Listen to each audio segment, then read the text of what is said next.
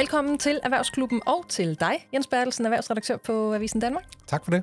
Jeg hedder Anne-Marie Lindholm, og i dag der har Jens og jeg igen sammensat et dejligt program, hvor vi både skal tale om Mærsks nye aktienedtur, deres havvind-eventyr. Vi skal tale om en ny stor bøde, der er på vej til Danske Bank. Vi skal snakke om forsvarsindustrien i Danmark. Og så skal vi se nærmere på alle de virksomheder, som enten har trukket sig fra Rusland, har indstillet deres aktiviteter forløbigt eller fortsætter præcis, som de har gjort altid. Men først så skal vi have fulgt op på en af de historier, vi har talt meget om her i øh, Erhvervsklubben, nemlig øh, Ørsted, der jo hænger på den her russiske gaskontrakt, som de ikke rigtig kan komme øh, ud af. Gassen betaler de for i enten øh, euro eller dollars, det ved vi øh, af god grund ikke. Men det er altså en valuta, som russerne jo på grund af sanktioner har meget svært ved at få omsat til, til rubler. Derfor kræver de jo så nu af Ørsted og alle de andre energiselskaber, at de skal begynde at betale for gassen i rubler.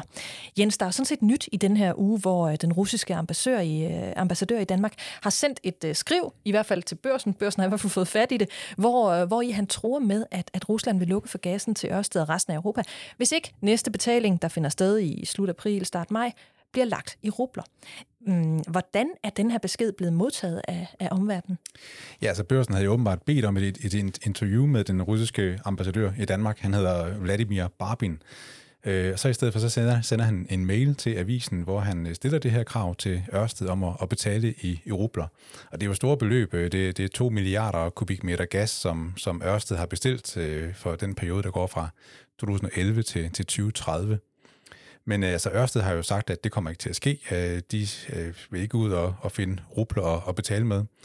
Øh, det har de så åbenbart ikke officielt meddelt uh, Gazprom endnu, men man prøver sådan, det er jo sådan en politisk sag det her, og øh, fra Udenrigsministeriets side af har man også sagt, at de er enige i, at man afviser det her krav fra, fra russerne om at betale med rubler, og man vil prøve at, at give et svar, der sådan er koordineret med, med de allierede i, i NATO, øh, med andre ord, de andre europæiske lande, der mm. også har, har noget i klemme i forhold til, til gassen fra, fra Rusland. Okay. Altså jeg ved jo godt, vi har været inde på det her før, men, men gør russerne alvor, at den trussel her, som de så har sendt øh, eller formidlet via, via børsen, øh, hvis de gør, gør alvor den trussel allerede til, til maj, bliver det vel så, hvad sker der så? Jamen det er ret tydeligt, at det sidder der rigtig mange og laver forskellige scenarier for lige nu. Øh, og det, det tyder på, det er jo, at det, det er meget med det samme for konsekvenser for, for europæiske virksomheder.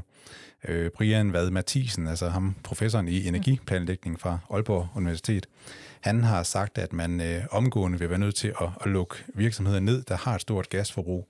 Øh, og der er jo gas på lager, så det er jo ikke sådan, øh, vi har den der akutte fare, men man er bare nødt til at begynde at samle sammen til, til lager til næste vinter. Øh, ellers så kommer europæerne til at, at fryse til, til efteråret, og det er der ikke nogen politikere, der, der har lyst til at se på. Altså, det her det er jo også en pointe, vi har været inde, med, inde på en del gange. Altså et luk for gassen vil sende Europa i recession. Men selv hvis gassen fortsætter med at flyde, øh, så så jeg, at øh, jeg tror, det var Deutsche Bank. Ja, det var Deutsche Bank. De var ude med en, med en ny prognose onsdag, hvor de, øh, ja, nu forventer de, at USA og Europa de går i recession øh, inden for de næste to år. Altså, kan vi overhovedet håbe på, at den her recession den kan undgås?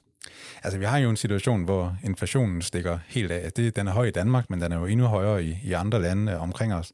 Øh, vi har stigende renter. Vi har udsigt til, at de får et flere nyk øh, opad, både i Europa og, og USA.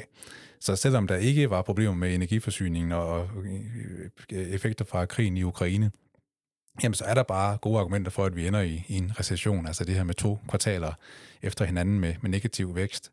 Men det er jo altså prognoser, og vi lever i en ret uforudsigelig øh, uforudsigelig tid. Og det understreger de her øh, topøkonomer fra, fra Deutsche Bank også. Jeg er sikker på, at vi direkte eller indirekte kommer til at berøre det her emne flere gange i løbet af podcasten. Nu skal det handle om noget helt andet, nemlig Mærsk. Nu skal vi tale om et eventyr og muligheden for en nedtur. AP Møller Mærsk har nemlig fået øjnene op for havvind og sat sig milliarder på markedet, øh, som ifølge flere eksperter jo ventes at eksplodere efter at den her grønne omstilling er rykket helt i top på den øh, politiske agenda. Spørgsmålet er så bare, hvad eksperterne her i podcasten har at sige til den historie. Og udover Jens Bertelsen, der jo øh, står ved min side, så har jeg nu også fat i Mikkel Emil Jensen, senioranalytiker hos Sydbank. Hej Mikkel. Hej. Den her investering, jeg lige løftede sløret for, at vi blandt andet skal tale om, øh, hvad er det for en, og hvor stor er den? Jamen, de har investeret i uh, specialiseret, specialiseret skib til opsættelse af, af, havvindmøller i uh, deres supply service division. Og øh, investeringen, jeg har ikke sådan kunne opstøve præcis, hvad de bruger øh, på skibet her, men, men der går øh, sige, andre øh, lignende investeringer ligger i omegnen af 2,5 milliarder på de her specialiserede skibe. Øh, så, så det er en, en, øh, en, en stor investering i særdeleshed, når vi ser det i forhold til supply services, som, som fylder meget lidt i, i Mærsk, øh, men alligevel vælger man altså at og, og investere en, en, en, et milliardbeløb i en relativt øh, lille division, for at være sikker på, at man har kan man sige, fokus på fremtiden og, og bevæger sig i en grøn retning. Ja, og det her nye øh, Mærsk-skib, altså det er jo meningen, det skal sættes ind i, i USA. Altså hvad er det for et marked, der venter dem der? opsættelse af, af, af vindmøller på havvind øh, er i, i stærk vækst i øjeblikket, men USA er faktisk en af de områder, hvor man er lidt bagud. Der er et stort efterslæb i USA, og øh, der er man altså opsat på at skulle sætte øh, de allerstørste møller op. Øh, meget, meget store, øh, rekordstore møller, havvindmøller, der skal sættes op i, i øh, uh, USA. Og netop det er også det, som skibet er blevet specialiseret til at skulle sætte op. Så det, øh, det gør dem, giver jo også Mærsk en konkurrencemæssig fordel, i og med, at der nok ikke er så mange aktører, som har øh, skibe og udstyr, der, der kan sætte så store møller op på nuværende tidspunkt. Øh, så, så det er et marked i, i, i stor vækst øh, fra, fra 2026 af, hvor de jo får leveret det her skib, og så, eller til 2026 2020, og så også frem øh, til 2030, hvor der øh, skal sættes rigtig mange møller op. Men betyder det, altså giver det mening for Mærsk at kaste ud i det her, når vi kigger på deres samlede, øh, når vi kigger på deres samlede forretning? Ja, det er jo ikke nogen hemmelighed, at supply service er en division, som øh, faktisk er sat til salg. Øh, Mærsk har lavet en stor øh, transformation, og, og der har man øh, valgt at fokusere udelukkende på transport og, og logistik. Og i den forbindelse, der solgte man jo også en olieaktiviteter fra, og andre aktiviteter, som kan vi kalde sorte aktiviteter, som ikke havde noget med transport heller at gøre.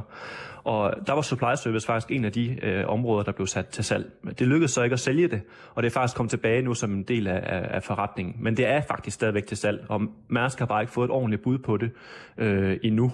Men det ændrer jo ikke på, at man selvfølgelig driver sit, sin forretning så godt som muligt, og man gør alt, hvad man kan for, at øh, man også sikrer selskabet øh, en god fremtid. Og det gør man jo ved at netop at fokusere på, på den grønne omstilling og på, øh, i det her tilfælde, øh, vindmøller, så man, i mindre, så man i fremtiden har mindre eksponering mod offshore-sektoren, som jo er det, som supply service faktisk øh, fokuserer på.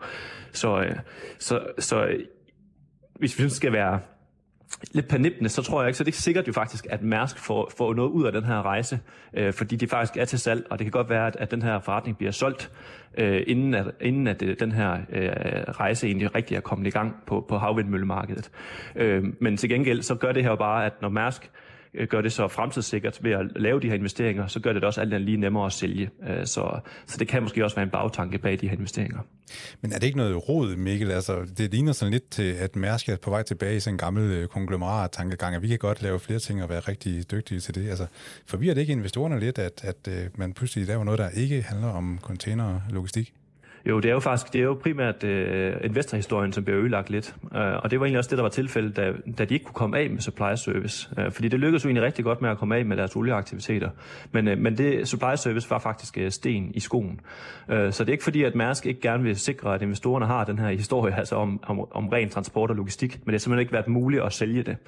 Øh, så nu er man jo i den situation, man stadigvæk har den her forretning, som ikke har noget med transport at gøre.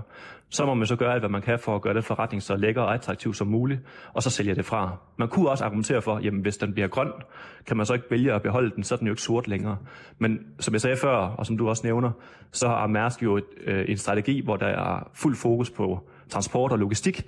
Så, øh, så jeg har stadigvæk en, en øh, altså jeg stadigvæk en overvejende sandsynlighed for, at supply services øh, skal sælges, så vi kan få den her rene investorhistorie om et øh, transportselskab, øh, et rent transport- og logistikselskab hos Mærsk. Men tror du så på, at der er et potentiale i den her investering? Altså en ting er i forhold til den grønne omstilling, men så også i forhold til, at de så kan hive den større pris hjem, øh, eller at det i, i det hele taget bare bliver mere salgbart? Ja, altså der er ingen tvivl om, der er jo et, stort potentiale øh, for, for supply service. Det er en relativt stor investering til så lille en, en del af, af forretningen. Øh, supply service fylder cirka, altså fylder under 1% øh, af Mærsk. Og, og selvom, lad os sige, det er 2,5 milliarder, de skal bruge på det her, det er selvfølgelig også mange penge, men Mærsk har, har, har sagt deres budget, altså for investeringer til hele, hele forretningen, altså til hele Mærsk, øh, der skal de over de næste par år bruge 65 milliarder kroner. Så, så man kan sige, investeringen på Mærsk-skala er ikke så stor, men i forhold til supply service, så er det altså en meget stor, øh, stor investering. Men, men potentialet for Mærsk som helhed er altså øh, meget begrænset, og det vil supply service, også selvom de vælger at beholde det, hvilket de nu ikke tror på, at de gør, det vil fylde meget, meget lidt i mange år frem stadigvæk, også selvom det her det bliver en succes. Men hvad med timingen i forhold til markedet? Fordi det her det har jo, altså det har jo stået på i, i flere år. Hvordan ser du den? Er det, er det timet rigtigt i forhold til det amerikanske marked? Ja, det synes jeg. Øh, der kan man sige, der, der ser man en, en stærk mulighed i at komme ind i et marked, som har et stort efterslæb her.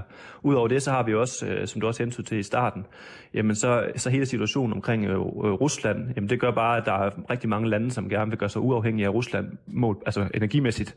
Øh, så, så derfor så skal der øh, bruges endnu flere møller, end man måske i første omgang også regnede med, og, og så man kan have alternative øh, energikilder til, øh, til Rusland og til gas øh, og, og, og, og kan man sige generelt stort energi.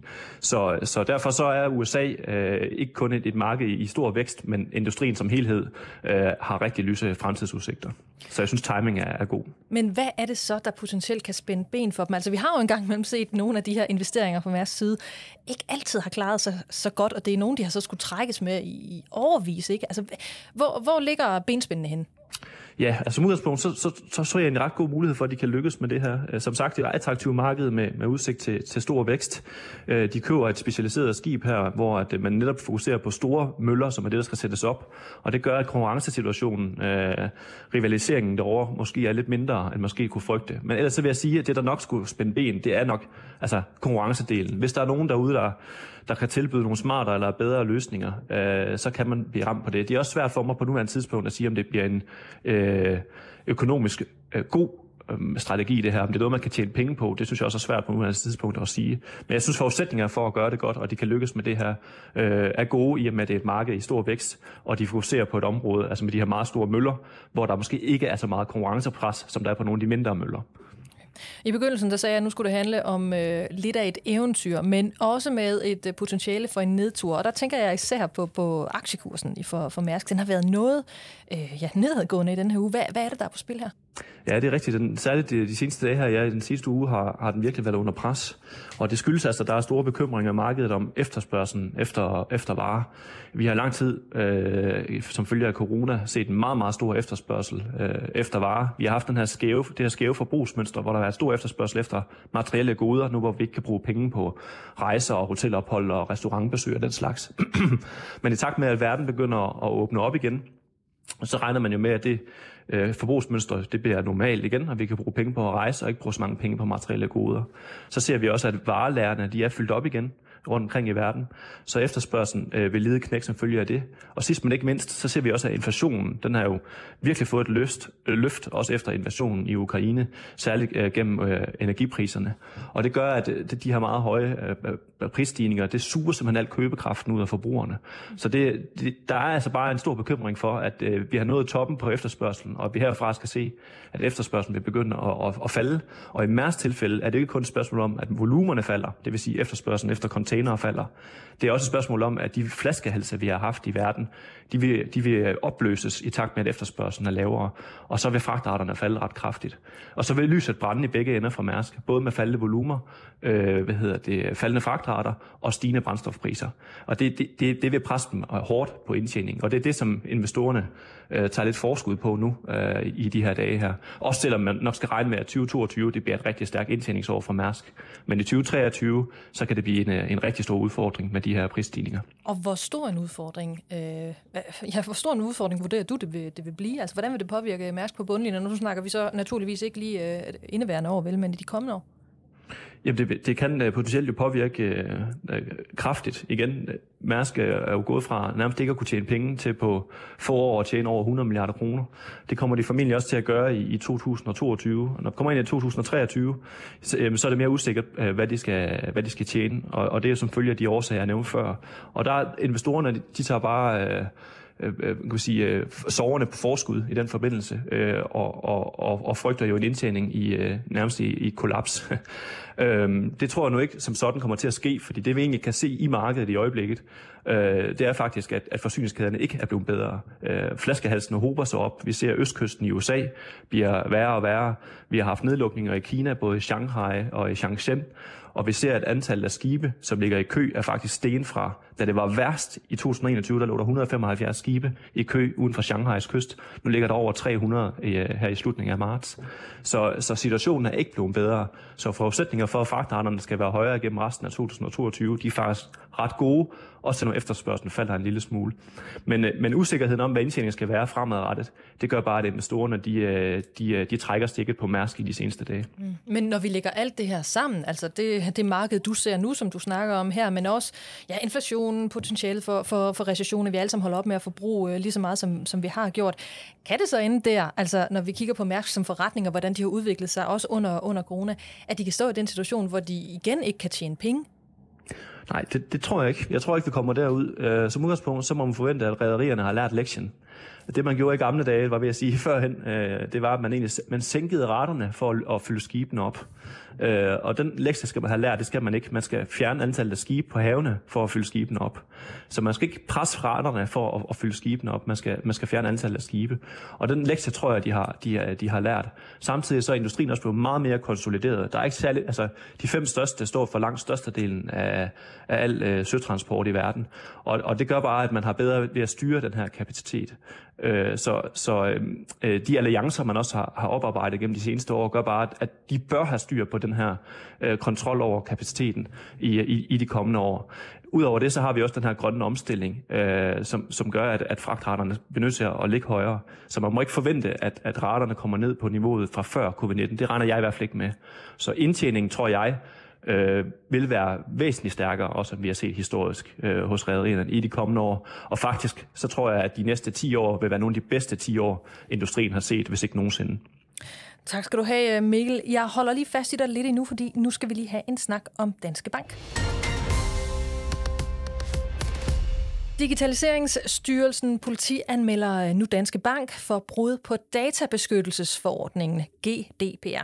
Styrelsen øh, går faktisk efter en øh, rekordbøde på 10 millioner kroner, som altså kan ende med at danne præcedens også for andre banker, hvis bøden rent faktisk ender med at blive så stor. Nå, Mikkel Emil Jensen, hvad er det egentlig, Danske Bank har gjort galt her? Som du siger, så er de overtrådt databeskyttelsesforordningen, GDPR-loven.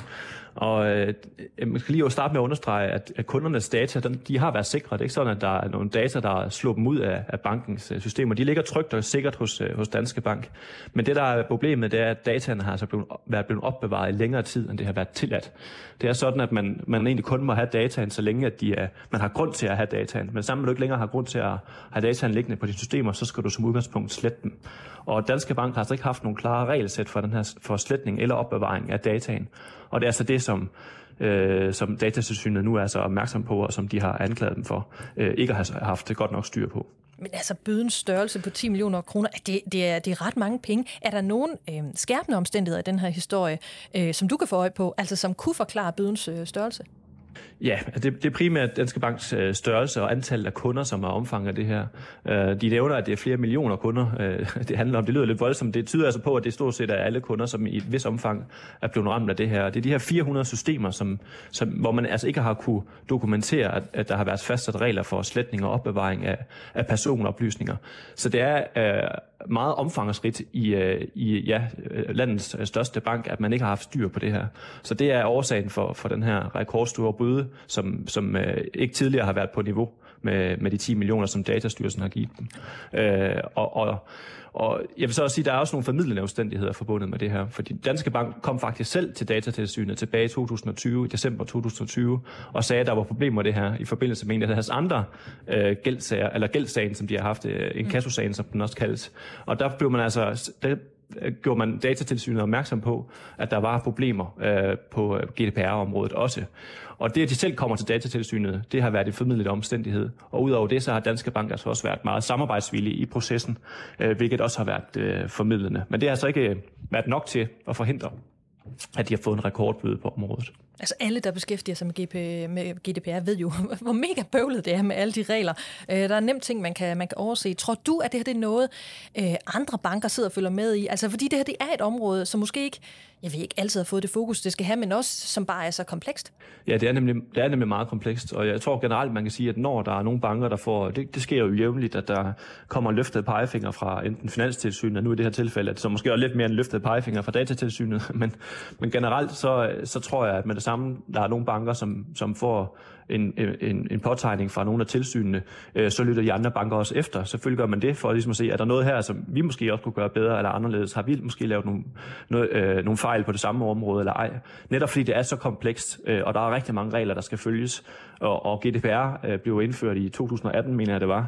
Så, så det er også noget, man øh, jo, øh, selvom at der er gået nogle år nu, øh, stadigvæk har svært ved at, at få 100% styr på øh, præcis, hvordan det skal øh, inkorporeres i deres systemer. Øh, så, så jeg er overbevist om, at, at det her det er også noget, de andre banker følger med i, for at sikre, at man efter bedste evne kan leve op til de her nye regler. Og, og hvis det ender med en, en, en bøde for 10 millioner kroner, altså hvor stort et øh, greb i lommen er det så for Danske Bank? Ja, det er, det er jo meget lidt. Man kan sige, med en, hvis man skal tage en investormæssigt fokus, så er det jo ikke noget, der fylder så meget øh, sådan rent øh, øh, økonomisk. 10 millioner kroner er, er, er tæt ved ingenting i, i kontekst til Danske Bank. Øh, så, så bøden kommer ikke til at betyde noget, øh, men det er mere sådan, kan man sige, de imagemæssige konsekvenser af det, som kan, kan øh, øh få betydning for, for, for banken. Ja, det er lige den sidste ting, vi skal have fat i øh, i forhold til det emne her. Fordi når en virksomhed som Danske Bank gentagende gange bliver ramt af dårlige sager, kan man så ikke også ramme sådan en, en mætheds- øh, eller en mætningsgrad, altså hvor sagen hverken gør fra eller til i forhold til selskabets ry og rygte. I Danske Banks tilfælde har der jo bare været så mange sager. Altså det var lige før, jeg ikke løftede et øjenbryn øh, her. Er, er vi der endnu, Jens? Jamen det er vi da, fordi jeg lagde også mærke til, at den her million bøde til Danske Bank, den, den røg ret hurtigt ned i bunden af erhvervsavisernes øh, netsider og man overgår næsten ikke at høre om, at Danske Bank har, har klokket i det igen.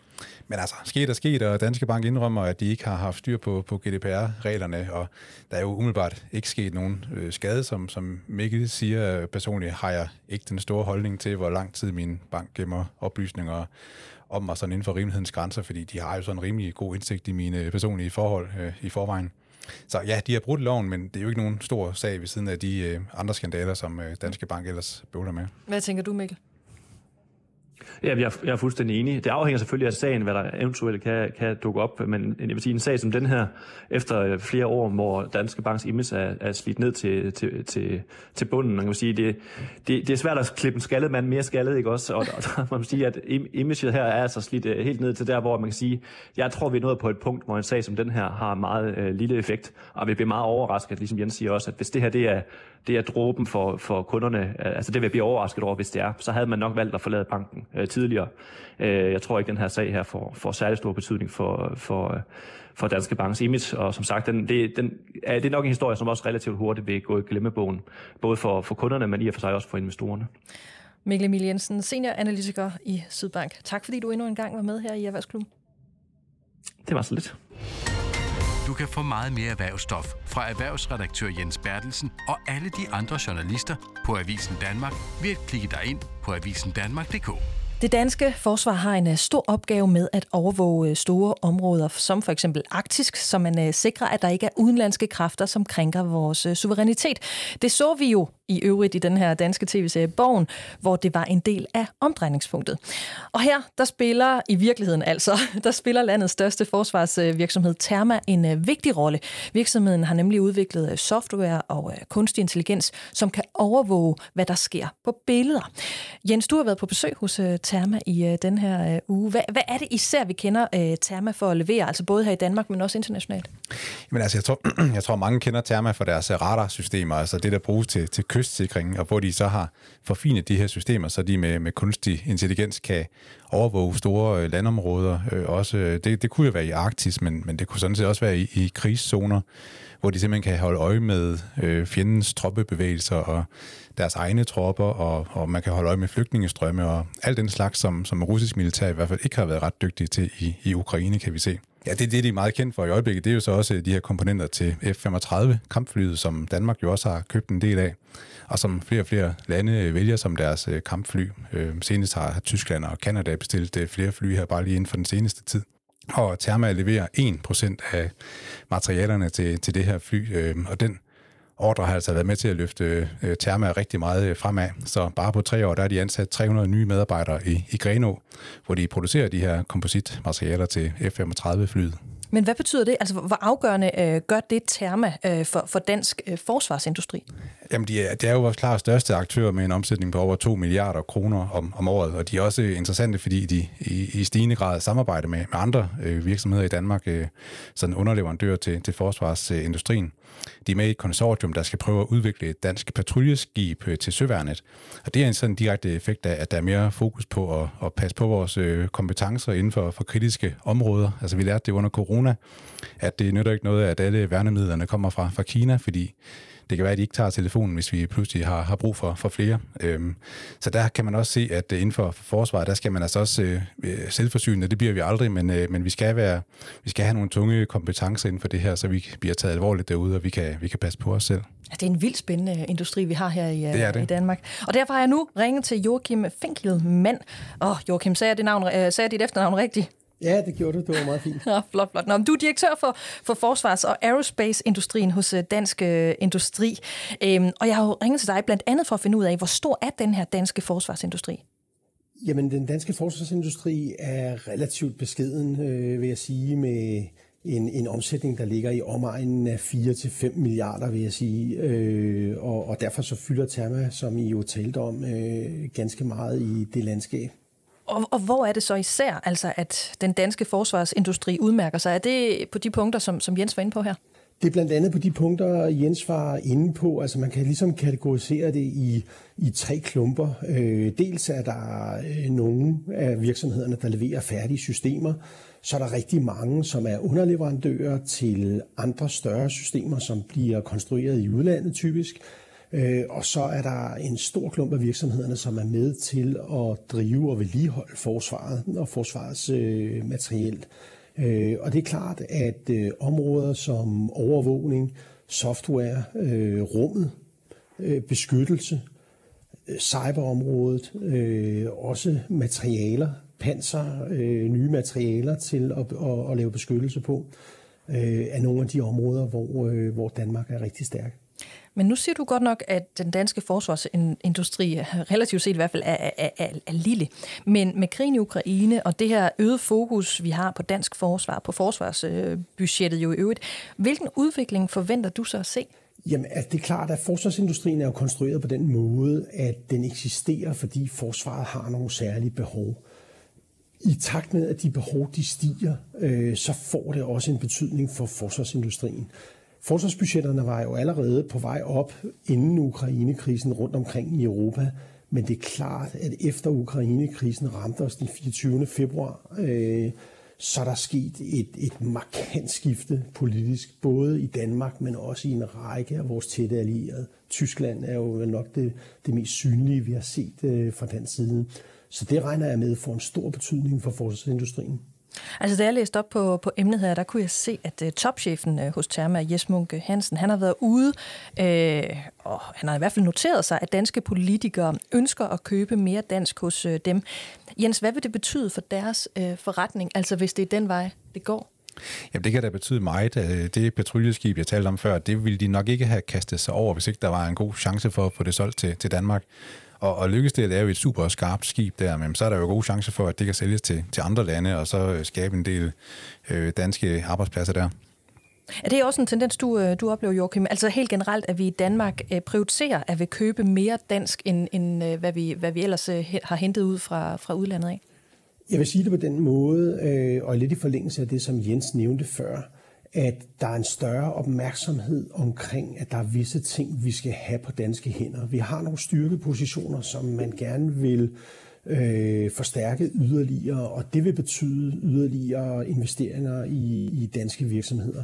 Så, så der er, kan man sige, en tendens, der går i den retning, men det er ikke blevet sådan en køb dansk for enhver pris. Altså, det, man skal huske på, at i sidste ende handler det her om, af vores mænd og kvinder, øh, der sætter livet på spil, at de har noget udstyr og noget materiale, som, øh, som sikrer dem bedst muligt og, og giver muligheder for, at de skal løse deres opgaver. Og det er jo det, der altid øh, skal være i centrum, øh, når vi taler om de her ting. Mm.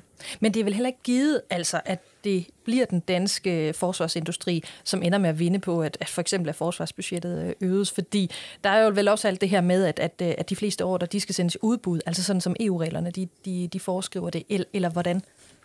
Ja, det er jo sådan, øh, at øh, som du siger, at øh, EU-udbud er, er hovedreglen, øh, men der er i udbudslovgivningen på forsvarsområdet et element, der handler om at varetage væsentlige sikkerhedsinteresser. Hvis man skal varetage væsentlige sikkerhedsinteresser øh, og kan demonstrere øh, det, så er der mulighed for at undtage øh, simpelthen indkøb fra de almindelige udbudsregler og så levere direkte tildelinger. En række områder, og, og der har regeringen allerede været ude omkring de her patruljeskibe og sige, det maritime område er så vigtig strategisk interesse for Danmark, så der forventer man at lave en direkte tildeling, hvis der er et øh, konsortie, der kan løfte opgaven. Altså nu har vi fået sådan et okay overblik over, hvad det er, vi kan i Danmark i forhold til forsvarsindustrien, og hvad det er, vi sådan selv kan øh, ja, være selvforsynende med. Men hvad er det så, vi er meget afhængige af øh, stadig at hente øh, udefra? Altså, vi er meget afhængige af at hente våben, øh, våbensystemer øh, og større øh, materielgenstande, øh, kampvogne, fly øh, osv. i udlandet. Det, det kommer vi også til fremadrettet, og, og jeg vil også sige, at den danske forsvarsindustri er også kendetegnet ved, at 80% af alt det, de laver, det bliver eksporteret. Øh, og det er jo fordi dansk forsvars volume er relativt begrænset. Det er et lille forsvar, og det vil kræve meget hvis man øh, skulle basere sig kun på at lave en forretning, der leverer noget til forsvaret. Så vi er afhængige øh, af, at samarbejde med udlandet, men det er vi jo også, når vi er ude og operere. Vi opererer jo også med andre lande stort set altid. Vi indgår altid i en international sammenhæng, når vi er ude på internationale operationer. Så, så det er vi sådan set vant til. Det vi ønsker fra industriens side, det er, at dansk industri bliver inddraget tidligt, når forsvaret planlægger, også på at gå til udlandet øh, med ordre, fordi vi har samarbejdspartnere øh, allerede og meget, meget tætte strategiske øh, øh, forhold øh, med de store internationale leverandører. Det vil sige, at man kan også bruge dansk industri til at få indsigt i, hvad der er muligt derude teknologisk øh, osv. Også selvom vi ikke selv producerer det, så har vi relationerne øh, som gør, at vi kan trække viden ind på et tidligt tidspunkt. Men Joachim, jeg bliver lidt nysgerrig her, fordi du, du siger, at vi har en dygtig øh, forsvarsindustri, øh, men jeg hører dig også sige, at, at når det sådan kommer til krudt og kugler, jamen, så er vi afhængige af altså, at købe selve våbne i, i udlandet. Og det er også det, jeg synes, jeg oplever, at øh, Therma laver for eksempel udstyr, der holder missilerne på et F-16-fly, men, men de laver jo ikke missilerne. Og, og er det sådan ikke generelt det billede, at, at vi holder op i Danmark, når det sådan begynder virkelig at, at handle om krudt? Jo, jeg ved ikke, om man kan sige, at vi holder op. Jeg tror mere, det er også et spørgsmål om, hvem er gode, hvem har erfaring og er dygtige til det her. Det koster utrolig meget at lave våbensystemer, som skal testes og videreudvikles hele tiden. Øh, så, så det er ikke unormalt. Men, men jeg vil gå så langt som at sige, at altså nu har vi hørt så meget om ammunition til de småkalibrede våben i forsvaret, og at forsvaret øh, ikke havde nok på lager osv. Og, og, og, og ammunition til til almindelige geværer og så videre, det er en relativt simpel ting øh, at producere, og det vil man kunne producere i Danmark, hvis man, hvis man var interesseret i det. Men det kræver igen, at der står nogen i den anden ende og er klar til at aftage de mængder, øh, som er store nok til, at man kan lave en forretning ud af det her. Men, men ammunition vil være helt øh, oplagt øh, at overveje sådan en produktion af i Danmark. Og så kunne man overveje, at man kunne lave noget, ligesom med patruljeskibene, hvor man har finansielle øh, organisationer, der går sammen med traditionel forsvarsindustri øh, og prøver at udvikle et koncept for, hvordan det kunne lade sig gøre. Så var vi fri for at skulle indkøbe ammunition, når krisen opstod. Det er en spændende snak, som der er kommet øh, stor, øh, stor fokus øh, på. Joachim Finkelmann, direktør for Forsvars- og Aerospace-industrien i Dansk Industri. Tak fordi du var med i Erhvervsklubben. Tak fordi jeg måtte være med. I den her uge, der leverede mediet Finans en liste, som endelig gav mig i hvert fald det overblik, jeg trængte til, nemlig et øh, overblik over, hvilke danske virksomheder, der har trukket sig helt fra Rusland, hvilke der har indstillet alt aktivitet midlertidigt, og hvilke der fortsætter som de plejer. Og den øh, liste, den skal vi se øh, nærmere på lige nu, og det gør Jens og jeg sammen med Per Hansen, der er aktieanalytiker hos Nordnet. Hej Per. Hej igen. Altså Vestas står jo på, på listen her under kategori 1, altså den kategori øh, af selskaber, som har trukket sig helt fra Rusland. Øh, det, var, det var en nyhed, der ramte i den her uge. Er det egentlig noget, der betyder noget for Vestas? alle, hvad skal man sige, alle kontrakter, de betyder noget, og alle de steder, hvor man har nogle investeringer, jamen der kan det være sådan, at man bliver tvunget til at foretage en nedskrivning, når man skal trække sig ud. Men set i det store billede, så betyder Rusland ikke så meget for Vestas, og set i forhold til de vækstperspektiver, der tegner sig fra Vestas, hvor, hvor hele Europa jo køber ind nu, læks Rusland, Ukraine på den grønne omstilling, jamen så, så vil jeg sige, det er ikke noget, som investorerne skal være meget bekymrede for. Og det forklarer måske også aktiekursen øh, ikke. Altså det ligner, den har, den har sådan set klaret sig meget godt i løbet af, af den her uge. Hvad, hvad forklarer det? Jamen, det øh, siger lidt om, at øh, Rusland er en del af den nyhedsstrøm, der er. Hvis vi kigger på Vestas som aktiekurs, så er det jo name of the game, at det er en aktie, som er i høj grad påvirkelig over for den nyhedsstrøm, der kommer på hverdag. Det vil sige analytikernes op- og nedjusteringer, ændring i kursmål, ændring i indtjeningsforventninger, og ikke mindst de strømninger, der politisk kommer ud med hensyn til, hvor meget og hvor hurtigt vi skal rykke vores 100% uafhængighed ikke kun af den russiske olie og naturgas, men at vi skal blive til et helt grønt samfund, hvordan nyhedsstrømmen den politisk øh, er der. Så i den henseende, så må man sige, at øh, når der kommer sådan nogle ting øh, fra Rusland, så er det en del af den nyhedsstrøm, der kommer, men det er ikke en meget afgørende del. Og så synes jeg lige, vi skal springe over til FL, FL Schmidt, som også har været ude og forklare, at nu trækker de sig fuldstændig. Altså, de ligger også i kategori 1. Hvad betyder det for dem? Jamen, jeg, også for FL Schmidt betyder det mindre, og det øh, tager jeg udgangspunkt i det, som egentlig blev diskuteret øh, på deres nyligt afholdte generalforsamling, og som den nye bestyrelsesform, som Knudsen har købt ind på. Det han siger, det er jo øh, for det første, at øh, FL Schmidt har nogle aktiviteter i Rusland, som de er ved at øh, til bringe. De kommer ikke til at tage nye forretninger ind i Rusland.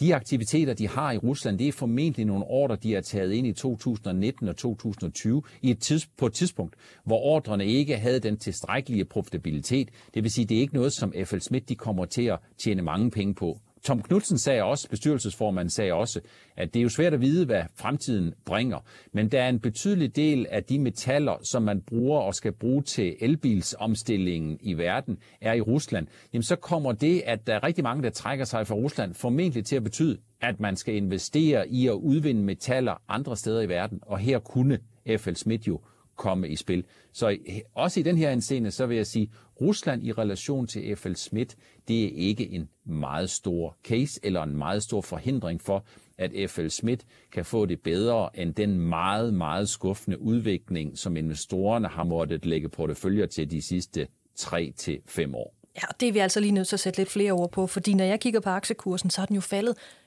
ret, ret massiv den seneste, det seneste stykke tid. Altså, for det første, hvor markant er, er hvad hedder det, aktiekursens øh, hvad hedder det, fald, og, og tænker du, at investorernes dom her har været for hård? FL Schmidt er jo en aktie, som bevæger sig noget mere, end den underliggende forretning egentlig skvulper. Så for FL Schmidt, det handler det simpelthen om at, at få startet på ny. Det handler om at overbevise investorerne om, at alle de ordre, de får ind, det kommer de til at tjene penge på inden for mining. Og mining øh, bliver jo det helt afgørende. Tre fjerdedel af FL Schmidt kommer til at være mining, når først det er sådan, de overtager tyske ThyssenKrupp og får de endelige og sidste øh, godkendelser fra myndighederne i løbet af de næste måneder. Og så handler det om, at øh, den grønne omstilling jo både handler om Vestas altså og Ørsted, men det handler også om at ændre nogle af dem, som udleder meget CO2 i dag, til at blive mindre sorte og mere grønne. Og det er jo noget af det, som FL Schmidt de kan være med til øh, i relation til cement. Så FL Schmidt det handler om, at de går fra en opfattelse af at være sort til at være mere neutral, og så handler det simpelthen om, at de skal til at tjene nogle penge på de ordre, de får ind, for det har været en mangelvare. Vi, øh, vi springer lige over til, til bestseller. Øh, Jens, jeg, der lagde jo mærke til, at de står på listen i, øh, i kategori 2. Altså, øh, det er virksomheder, som har indstillet alle aktiviteter, og dermed endnu ikke har trukket sig helt ud af, af, af Rusland øh, permanent.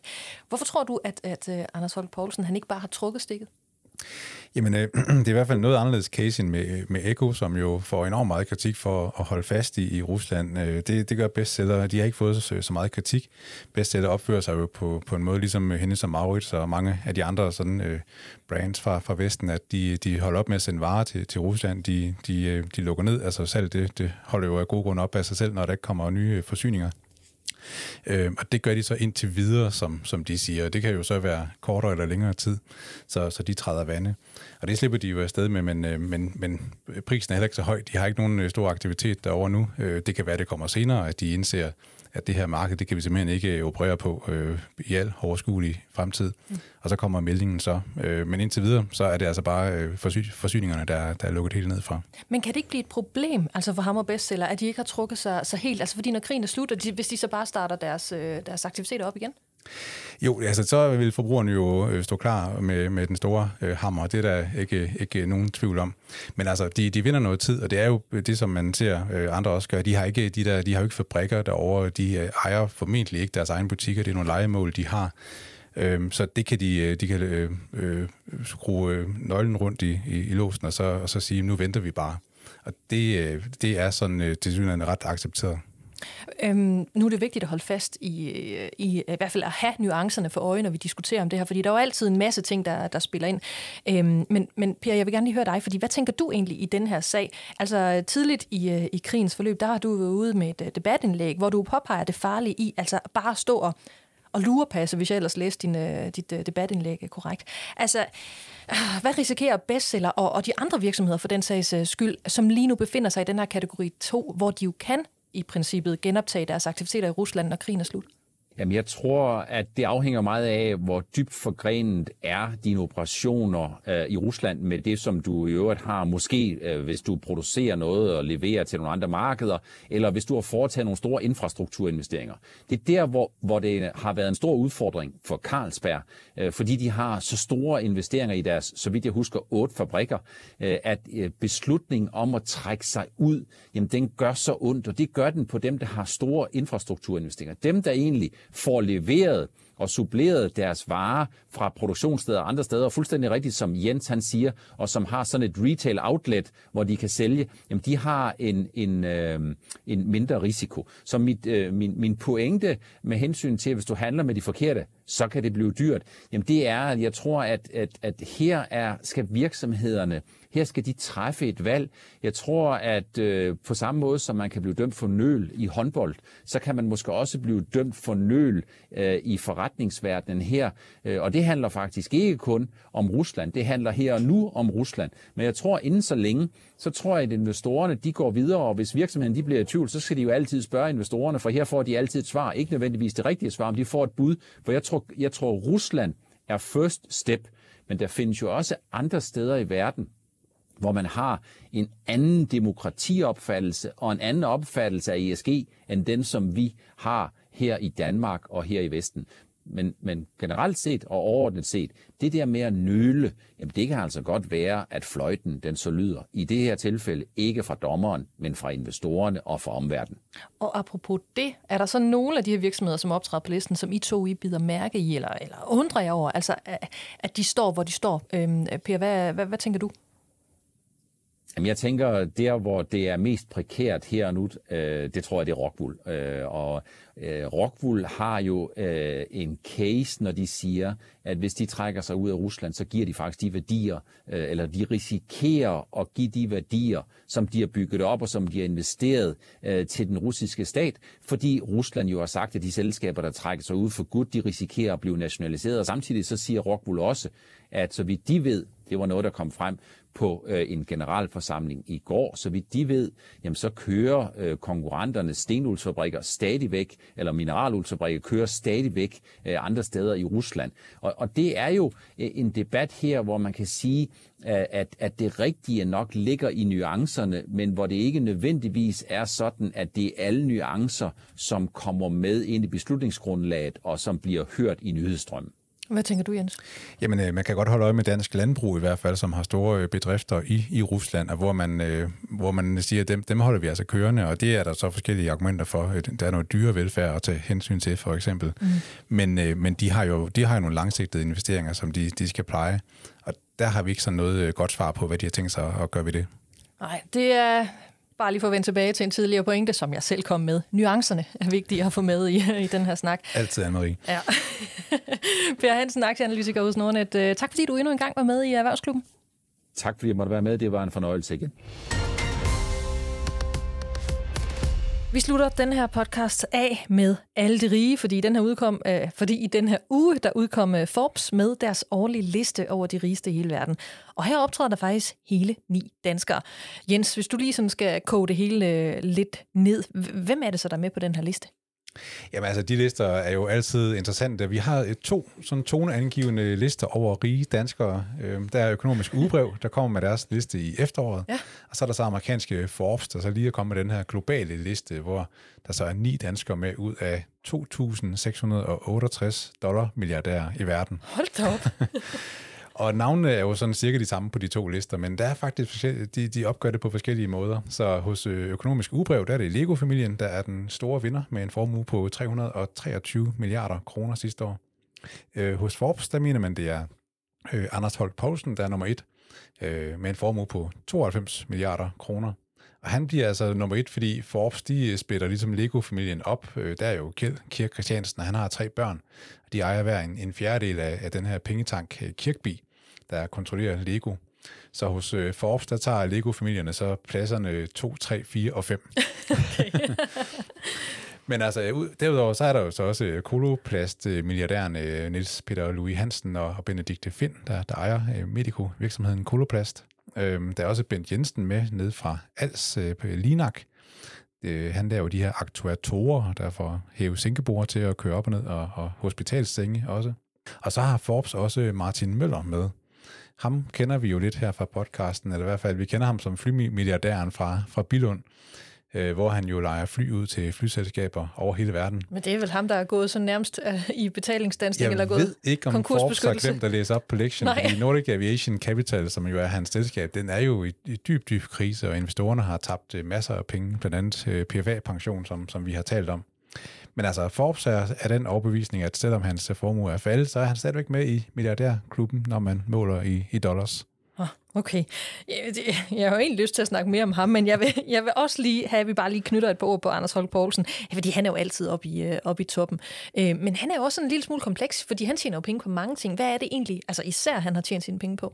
Jamen det, det gør han jo, bestseller er jo en rigtig god forretning i sig selv, men det har jo vist sig, at de ting, han sådan investerer i ved siden af, det går jo altså også rigtig godt. Der, der er jo forskellige online-butikker, Zalando og Asos og sådan noget, der fylder godt, men en, en, der så virkelig stikker af lige nu, det er så øh, Klarna, øh, sådan en svensk øh, betalingsformidler, der stormer frem og er på vej mod en, en børsnotering, som øh, i givet fald vil gøre Anders Holk Poulsen meget, meget øh, rigere. Han ejer 10 procent af Klarna, og, og det øh, bidrager åbenbart rigtig godt til, til formuen her. Vi er nødt til at følge op på nogle af de her mennesker, vi lige har talt om, men det bliver altså på et andet tidspunkt, fordi det her det var alt fra, øh, fra Erhvervsklubben i denne her uge, og vi vender faktisk først tilbage om to uger, fordi øh, næste uge, der går vi på påskeferie.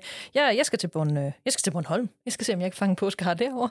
Skal, skal du noget, Jens? Jamen, jeg har lige set, at der bliver en 16-17 grader i næste uge, så man ikke bare skal en tur i sommerhus. Af hvad? Det er rigtigt. Bliver det? Gør det det?